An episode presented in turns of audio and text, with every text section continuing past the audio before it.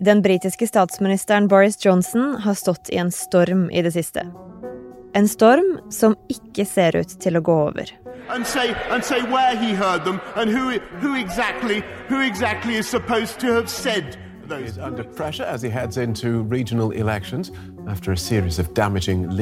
Anklagene har kommet i flere omganger og går fra påstander om korrupsjon og til en lekkasje som har rystet britene.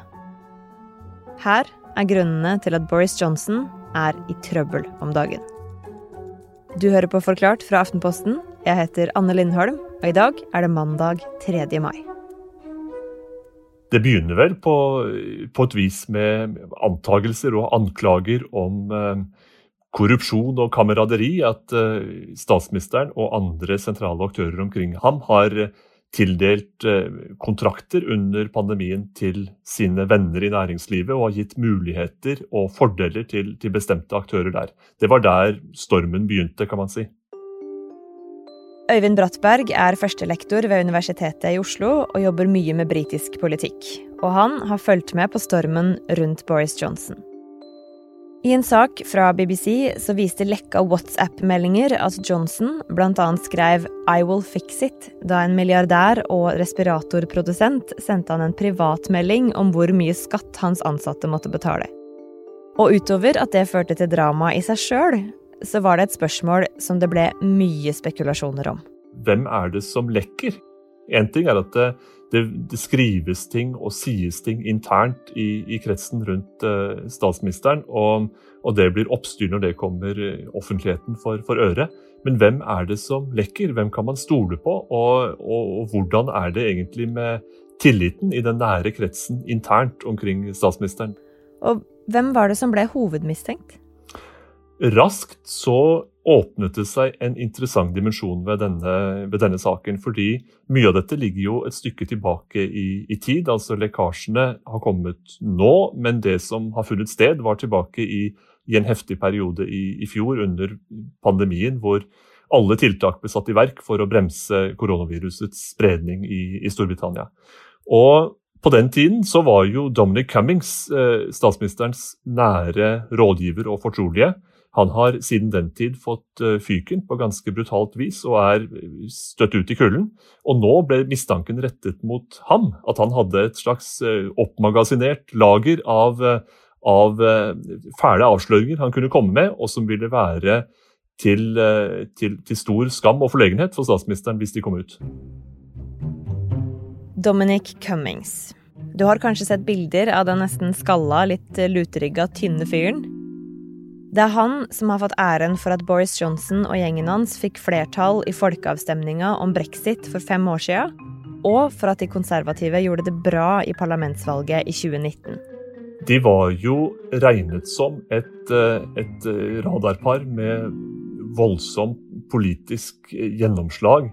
Eh, Cummings ble regnet som strategen, den kyniske, manipulerende, eh, langsiktige, er det man, man fester ham til. Og så er Boris Johnson den litt mer virrende sjarmøren som er lett å styre, som ikke har så mange sterke oppfatninger, og som hele tiden er kortsiktig og snur seg dit vinden blåser. Og hvis du følger litt med på britisk politikk, så husker du kanskje bildene fra november i fjor, da Cummings måtte gå ut hoveddøra i statsministerboligen i et høstgrått London med en pappeske med tinga sine i. Leaving for the final time. One of the most influential figures in Westminster propelled out of the door after a power struggle that erupted publicly and left Downing Street in turmoil. Så et eller annet sted så blei Cummings og Johnson uvenner.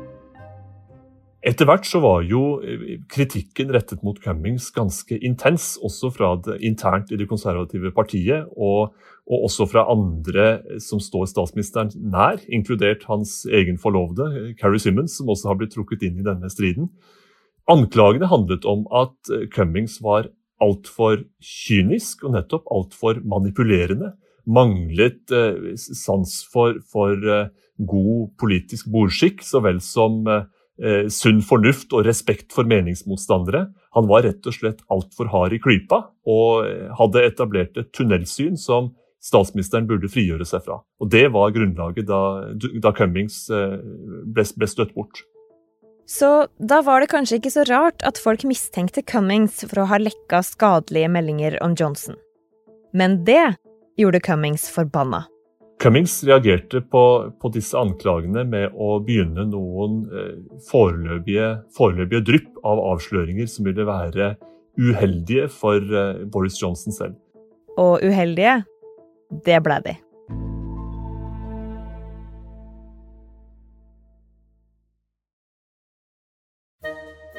I London, en liten spasertur fra den britiske parlamentsbygningen og Big Ben, så ligger landets kanskje mest kjente adresser. Downing Street nummer 10 og nummer 11. Det er her det blir holdt pressekonferanser utafor, hvor britiske politifolk står i uniform og sånn toppa hjelm og holder vakt, og hvor katten Larry bor, med tittelen Chief Mouser to the Cabinet Office.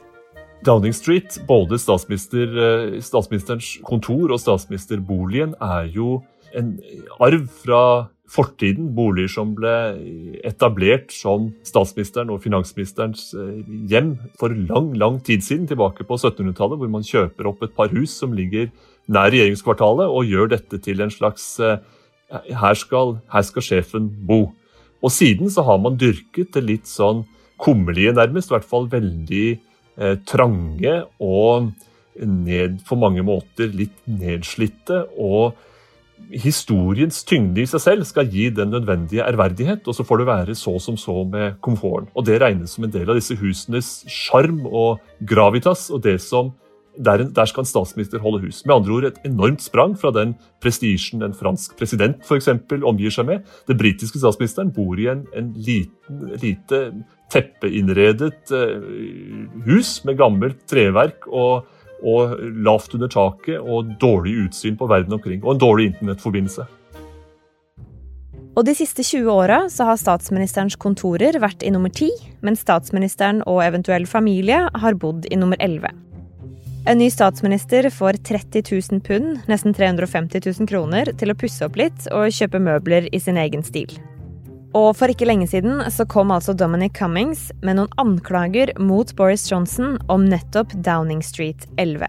Anklagene handlet om at uh, Carrie Simmons, uh, Boris Johnsons forlovede, ønsket en veritabel oppussing av statsministerboligen for å bli kvitt noe av det hun kalte John Lewis-preget. Et sånn standardisert varehus, kjøp et eller annet eh, billig å, å innrede med. Det ville hun uh, ut av. Dette måtte gjøres kreativt og vakkert. Det kom til å koste penger. Og ifølge anklagene fra Cummings mye penger. Spekulasjonene har gått helt opp til 200 000 pund, altså 2,3 millioner kroner. Og Cummings sier de pengene kom som hemmelige gaver fra politiske donorer.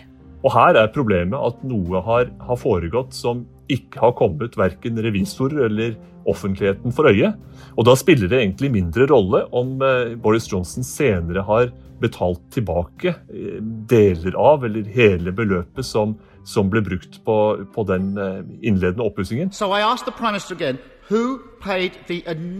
invoice, invoice, Og Hva svarer Boris Johnson på det? Foreløpig så har vi ikke fått noe klart svar på det, annet enn at han sier han selv har dekket kostnadene. Uh, Mr. Speaker, I've given him the answer, and the answer is I have, I have covered the costs, and I think most people will... Og da uh, lurer fortsatt spørsmålet i kulissene. Hva foregikk da pengene ble eh, lagt på bordet i utgangspunktet, og hvor kom de pengene fra? Og Problemet som følger av det, er at pengestrømmer også medfører interesser og mulig påvirkning av politiske beslutninger. Det er jo det måte det enkle eh, begrunnelsen for at politikere ikke skal ta imot penger de ikke har eh, opplyst offentligheten om, fordi det åpner for potensiell eh, korrupsjon og bindinger man ikke, man ikke, ønsker. Så det prinsipielle i saken ligger først og fremst her. Så nå har valgkommisjonen i landet starta etterforskning av saken om oppussinga i Downing Street. Og som om ikke det var nok, så har det kommet enda nye anklager. Denne gangen om noe som skal ha skjedd i oktober i fjor høst. Da hadde smittetallene i Storbritannia lenge vært på vei oppover, og anbefalinga fra helsemyndighetene var en ny lockdown. Og politikere og helsetopper hadde ett av mange møter om hva de skulle gjøre. Statsministeren selv pluss noen nøkkelstatsråder, noen nære rådgivere, og eh, de viktigste medisinske Eh, rådgiverne, de som svarer til eh, Nakstad og Gullvåg her, her, hos oss, de var til stede sammen med helseministeren og den næreste kretsen for Boris Johnson selv. Og her er det at Johnson ifølge lekkasjene skal ha sagt at han heller ville ha bodies piled high enn å innføre en ny lockdown. Altså at statsministeren, som sjøl var innlagt med covid-19, heller ville ha stabler med lik enn å stenge ned landet igjen. Multiple media organizations are reporting that Mr. Johnson said he would rather see bodies piled high in their thousands than impose a third coronavirus lockdown. The Prime Minister denies the reports and says his office is investigating the source of the leaks. Og den nyheten var ikke populær. Det stiller spørsmål ved, ved grunnleggende verdier. Hvordan ser man på betydningen av å redde menneskeliv og prioriteringen av å redde menneskeliv framfor alt. Det er jo det som har vært, eh, vært, regjeringens linje i Storbritannia som i de aller fleste andre land. At gjennom denne pandemien så har det absolutt førsteprioritet å redde menneskeliv, redde liv og helse. Og så må man ta i bruk de virkemidler som, eh, som er nødvendige. Ingen ønsker seg å stenge ned samfunnet, lamme økonomisk virksomhet, sette mennesker i isolasjon osv. Men det å begrense tap av menneskeliv har eh, absolutt høyeste prioritet. Og Dette utsagnet synes jo å bryte med det, og på, på ganske brutalt og, og tilsynelatende kynisk vis. Eh, og om det, eh, om det, han sa har falt i en intens meningsutveksling og vært uttrykk for en veldig frustrasjon, så er det like fullt et, et fælt utsagn å, å, få offentliggjort. Og, og en, en type lekkasje som er aller minst det Boris Johnson ønsket seg nå. yes or no, did he make those remarks or remarks to that effect? Prime Minister. No, Mr. Speaker, and I think what I think. Uh, Men hvor sikre kan vi være på at han faktisk sa det? Det kan vi ikke være sikre på at uh, Boris Johnson faktisk sa. Det er uh, uidentifiserte kilder, og slik lekkasjer typisk er, så må man velge å, å, stole på det eller ikke stole på det. Men det har vært uh, festet nok lit til denne lekkasjen til at de store avisene har, har slått det opp som en gjengivelse av det som ble sagt på et intenst tidspunkt i et møte. Og Faren ved slike utsagn er at de, det veldig lett blir overskrifter, store overskrifter som er helt løsrevet fra den situasjonen der det faktisk blir sagt. Og som tilsynelatende kan oppsummeres med at statsministeren er ikke opptatt av å redde liv i den befolkning han selv skal representere. Så hvis jeg tolker deg riktig, så det om han sa det eller ikke, er ikke like viktig som om det at folk kunne tro at han faktisk sa det? Ja, jeg tror du har, har, helt rett, gitt at man ikke kan komme til bunns i om eh, utsagnet ble gitt eller ei, om man faktisk sa det eller ei, så har det blitt eh, nok av antagelser om at han kan ha sagt det. Og det føyer seg inn i et bredere mønster av eh, carelessness, en, en, et syn på statsministeren som en som ikke egentlig har dømmekraft og de rette verdiene. Og når kritikerne først har festet seg til det, så skal det mye til å, å rive dem løs fra den oppfatningen. Så bare de siste ukene har Boris Johnson blitt beskyldt for å gi venner i næringslivet fordeler de ikke skulle ha hatt, for at han skal ha latt folk som ønsker seg politisk innflytelse, få betale oppussinga i leiligheten, og for at han ikke bryr seg om livene til folket han skal tjene. Boris Johnson sjøl har stilt i spørretimen i parlamentet og sier han sjøl betalte for oppussing, og at han aldri sa at han heller ville ha bodies piled high enn en lockdown. Think, uh, like that, uh, say, og at han og respiratorprodusenten ikke er venner. Og regjeringa har sagt at de gjorde hva de kunne for å få nok utstyr i starten av pandemien. Men ellers så driver Johnson nå lokalvalgkamp for partiet sitt og legger ut bilder av at han mater lam med flaske og besøker småbyer og spiser softis og drikker øl.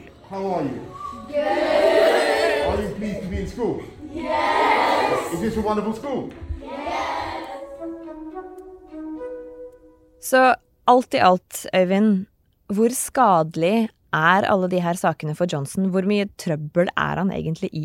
Det er veldig vanskelig å si hva konsekvenser på lang sikt vil være for eh, Boris Johnsons omdømme. Han er en politiker som har et eh, gladlynt, optimistisk oppsyn, og som gjennom hele sin politiske karriere har klart å frigjøre seg fra mulige skandaler, kontroverser, angrep på hans person osv. Han har eh, muntert vandret videre og, og frems, fremstått som en som er eh, har sine feil og svakheter, men er, er, folkets mann og en som sørger for medvind og oppdrift og, og alt som skal til. Kanskje vil han klare det denne gangen også.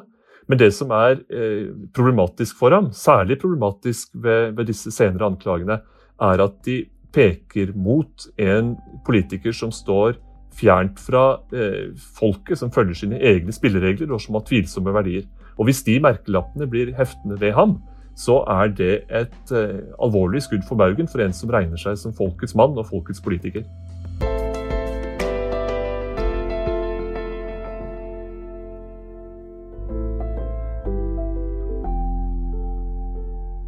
Denne episoden er lagd av produsent David Vekoni og meg, Anne Lindholm. Resten av Forklart er Fride Nesten Onsdag, Caroline Fossland, Ina Swann og Marit Eriksdatter Gjelland.